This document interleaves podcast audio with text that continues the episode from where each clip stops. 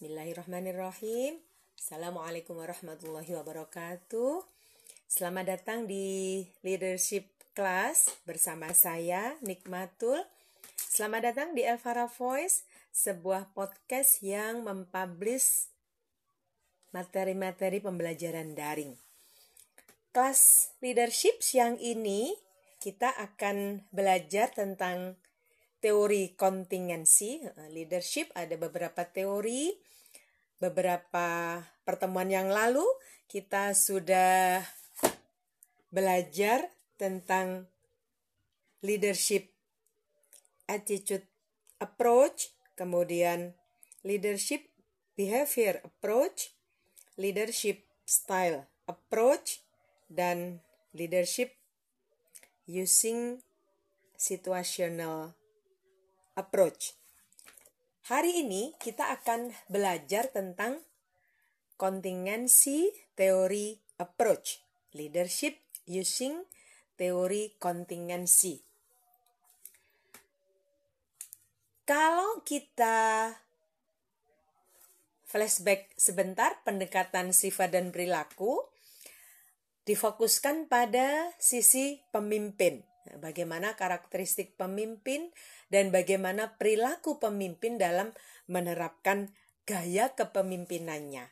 Nah, pada pendekatan kontingensi, keyakinan dasar pendekatan kontingensi adalah perilaku pemimpin yang efektif pada situasi tertentu belum tentu efektif dalam situasi lainnya. Nah, ini konsep dasarnya. Jadi, pendekatan kontingensi mengatakan bahwa perilaku pemimpin yang efektif pada situasi tertentu belum tentu efektif pada situasi lainnya. Ada beberapa model kontingensi. Yang pertama adalah Fiedler. Fiedler beserta timnya mencari hubungan antara gaya kepemimpinan dengan situasi organisasional. Pada teori Fiedler ini fokusnya pada apakah seseorang pemimpin menekankan pada gaya orientasi hubungan atau tugas. Jadi dua poin yang ditekankan. Jika orientasinya pada hubungan, maka pemimpin menekankan pada terciptanya kepercayaan dan penghormatan timbal balik, mendengarkan kebutuhan bawahan, dan terjadi komunikasi dua arah. Jadi, apa yang diinginkan pemimpin, kemudian apa yang diinginkan oleh bawahan. Ada komunikasi dua arah. Hmm. Ini kalau kontingensi Fiedler yang berorientasi pada hubungan. Pada yang kedua, jika orientasi adalah pada tugas. Pada sisi ini, pemimpin menekankan pada penyelesaian tugas dan prestasi yang tinggi dari bawahannya. Jadi, ada dua orientasi hubungan dalam kepemimpinan pendekatan kontingensi Fiedler, yang pertama adalah orientasi hubungan, ada komunikasi dua arah, dan yang kedua orientasinya adalah pada tugas. Jadi, apakah bawahan menyelesaikan tugas atau tidak? Seberapa jauh dia menyelesaikan tugasnya? Kepemimpinan Fiedler ini, kontingensi Fiedler ini disebut juga dengan model kontingensi kepemimpinan yang efektif di mana model ini berisi tentang hubungan antara gaya kepemimpinan dengan situasi yang menyenangkan. Ini Fiedler. Pada kepemimpinan model kontingensi Fiedler ini, eh, situasi yang menyenangkan dalam hubungan dengan dimensi-dimensi, eh, tiga poin eh, yang berkaitan dengan situasi yang menyenangkan adalah yang pertama, kualitas hubungan antara pemimpin dengan bawahannya. Kemudian yang kedua, struktur tugasnya, Apakah tugas yang dikerjakan bawahan terdefinisi, melibatkan prosedur yang spesifik, jelas, dan mempunyai tujuan pasti. Kemudian yang ketiga, kedudukan kekuasaan. Hal ini berhubungan dengan apakah pemimpin memiliki wewenang formal yang kuat pada bawahan. Nah, dari tiga situasi tersebut menghasilkan delapan situasi kepemimpinan yang dibedakan menjadi situasi yang favorable dan non favorable sebagai berikut. Jadi ada dari tiga hal tadi tentang kualitas, struktur tugas dan kedudukan kekuasaan diturunkan menghasilkan delapan situasi yang favorable dan non favorable sebagai berikut. Kalian lihat pada halaman 7 klasifikasi situasi yang favorable. Jadi dipisahkan ke dalam empat ukuran. Hubungan tiga hubungan, hubungan pemimpin bawahan, kemudian struktur tugas, kemudian kedudukan kekuasaan nah, pada sisi kiri, tiga situasi, kemudian favorable diukur dibagi menjadi empat. Sangat favorable, kemudian menengah, kemudian oh tiga nih, kemudian sangat unfavorable. Oke, ini. Nah, pada sisi kiri yang sangat favorable, ini berarti hubungan antara pemimpin dan bawahan baik. Kemudian struktur tugasnya tinggi. Kedudukan kekuasaan pemimpin kuat. Nah, pada sangat favorable ini dibagi dua. Jadi ada kedudukan kekuatan pemimpin tuh kuat lemah. Nah, kemudian e, dibedakan dua kedudukan kekuasaan pemimpin. Nah, ada yang pemimpin kuat, kemudian ada yang kedudukan kekuasaan pemimpin itu lemah. Hmm. Pada kategori yang kedua, menengah, situasi yang menengah favorable, kemudian sedang favorable. Sini ada kategori uh, baik, kemudian ada kategori jelek untuk hubungan pemimpin. Pada ukuran yang ketiga dan keempat, nah ini dibedakan hubungan pemimpin bawahan itu baik-baik, kemudian kedudukan kekuasaan kuat atau lemah. Kemudian pada yang ketiga, uh, juga pada kondisi situasi yang menengah, menengah favorable, itu hubungan pemimpin tuh jelek. Namun struktur tugas tinggi. Kedudukan kekuasaan pemimpin terbagi dua, kuat lemah. Nah, sedangkan pada sangat unfavorable, sangat tidak menyenangkan itu pada saat hubungan pemimpin dengan bawahan tuh jelek, it's not good, bad, jelek. Kemudian struktur tugasnya rendah, kemudian kedudukan kekuasaannya bisa saja kuat, bisa saja lemah. Nah, jadi dari tiga situasi ini dengan favorable, seberapa jauh menyenang, menyenangkan tidaknya pemimpin itu, kita bisa bagi uh, detail menjadi delapan kelompok.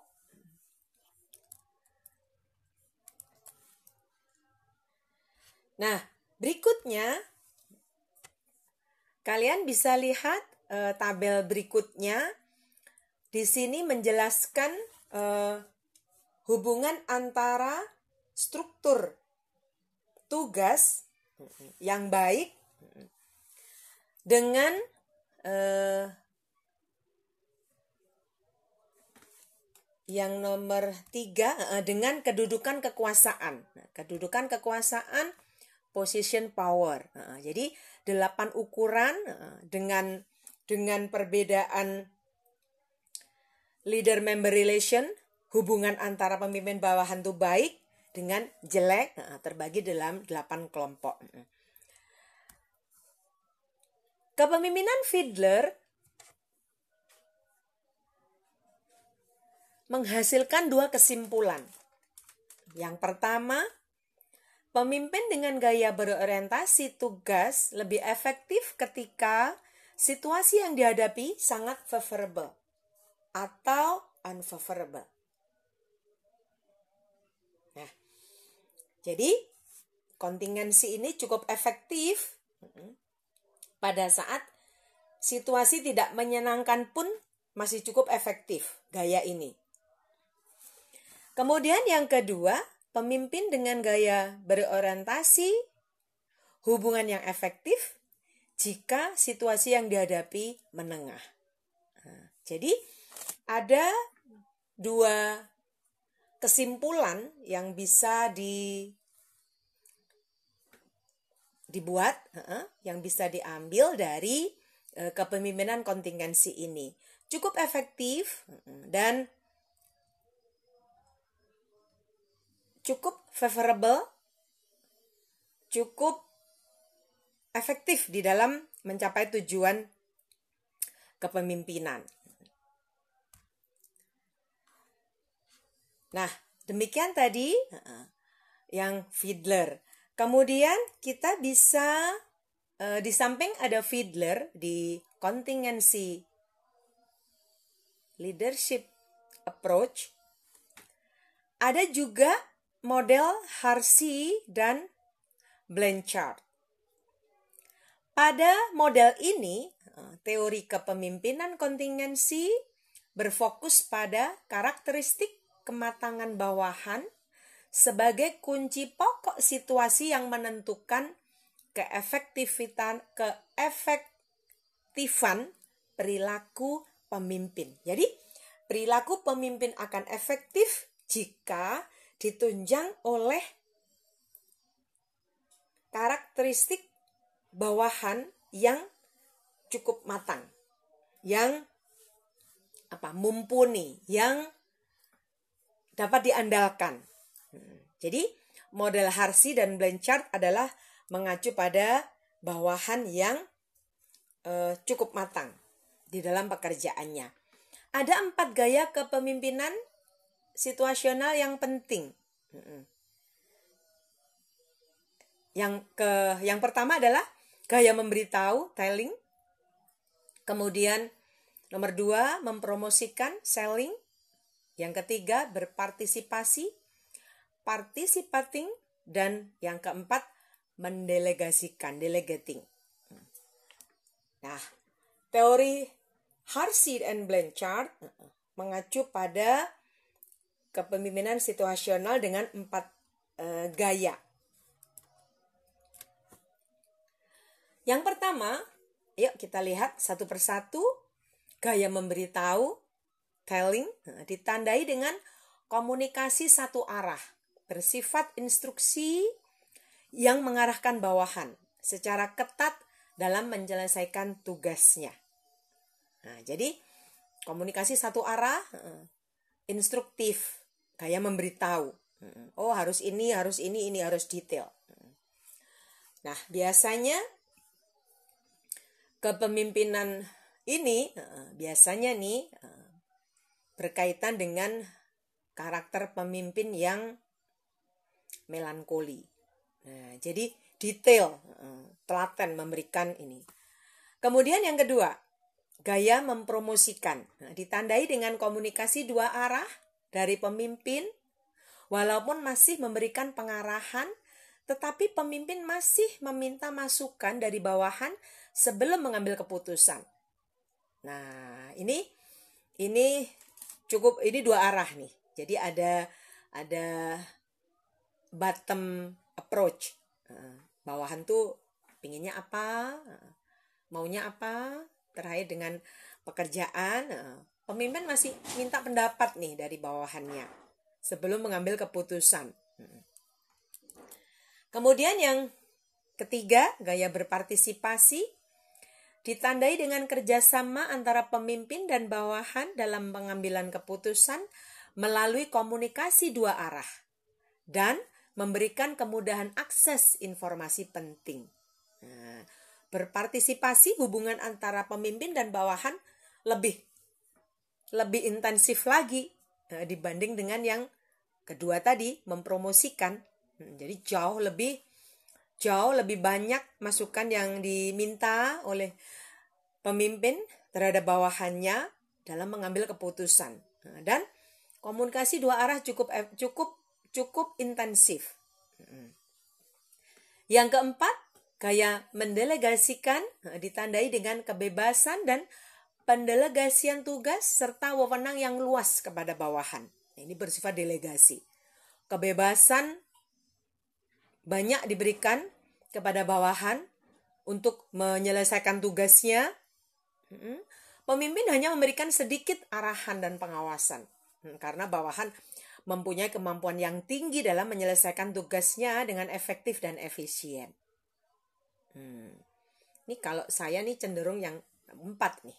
Nah, jadi saya cenderung memberikan keyakinan cukup memberikan kepercayaan cukup besar terhadap staf, terhadap bawahan untuk menyelesaikan tugas-tugasnya.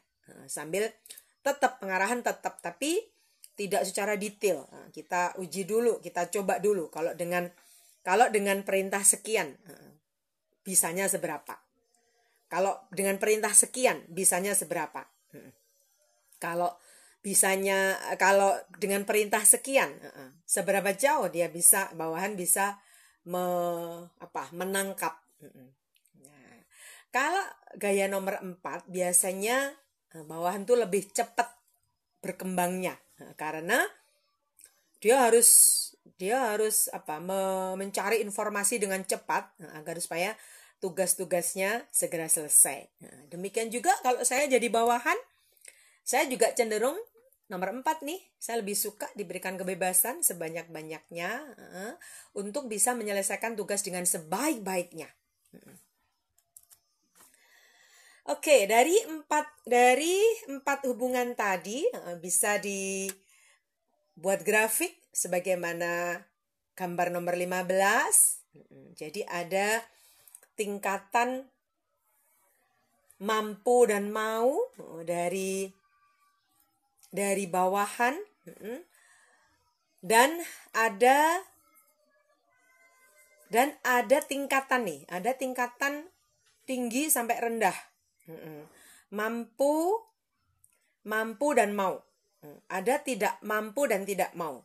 Nah dari dua kategori ini bisa dikelompokkan menjadi empat kelompok menjadi eh, R4, R3, R2, dan R1.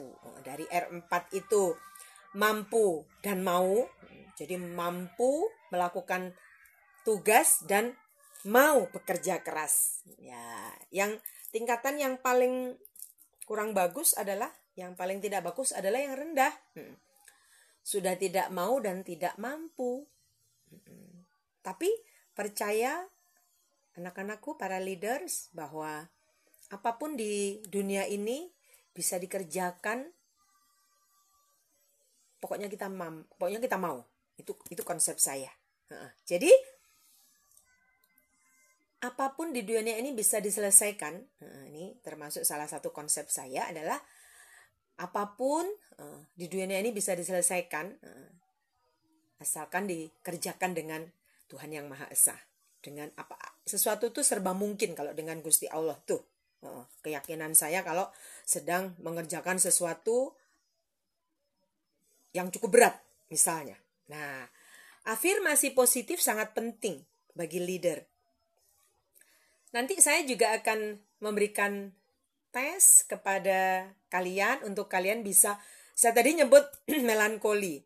Ada orang tuh flekmatis, ada pekerja keras, ada sanguin. Saya nanti coba akan ada 100 ini 100 pilihan benar salah nanti kalian bisa isi sehingga kalian bisa tahu oh, masing-masing dari kalian termasuk kecenderungan yang mana. Nah, dengan demikian eh, kita bisa menyusun strategi kepemimpinan yang efektif eh, kalau kita juga tahu bagaimana sifat kita atau dan atau sifat karyawan kita, bawahan kita, tim kerja kita.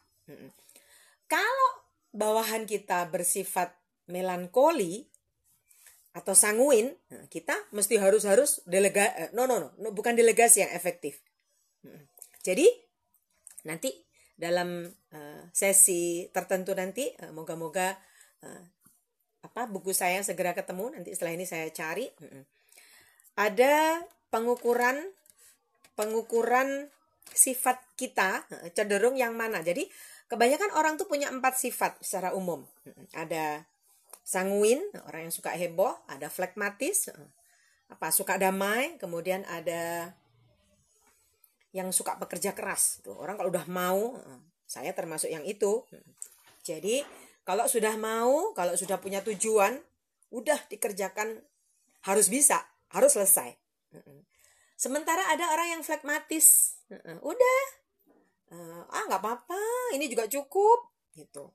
Nggak lulus juga nggak apa-apa, dapat B juga oke okay lah, dapat C nggak apa-apa. Sementara orang kalau yang yang bukan flekmatis, bukan sanguin, bukan melankoli,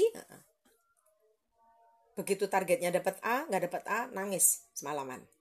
Nah, jadi karakter-karakter itu juga akan menentukan seberapa besar efektivitas kita di dalam memimpin sebuah kelompok, memimpin sebuah organisasi, atau memimpin kelas, atau menjadi pemimpin. Nah, oke, okay, pertemuan ini kita bahas contingency approach. Minggu depan kita akan bicara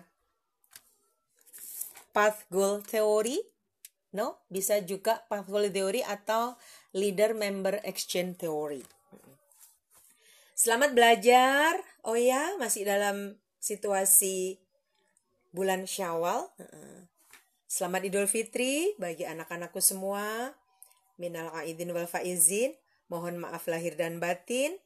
Kalaupun ada sesuatu yang kurang berkenan tidaklah kesengajaan. Nah, semua dalam rangka untuk meningkatkan potensi diri dan kemampuan kalian semua.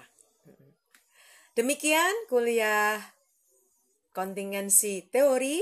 Sampai ketemu minggu depan. Jangan lupa selalu pakai masker setiap keluar rumah dan hindari kerumunan. Sehat selalu, sampai ketemu minggu depan. Wassalamualaikum warahmatullahi wabarakatuh.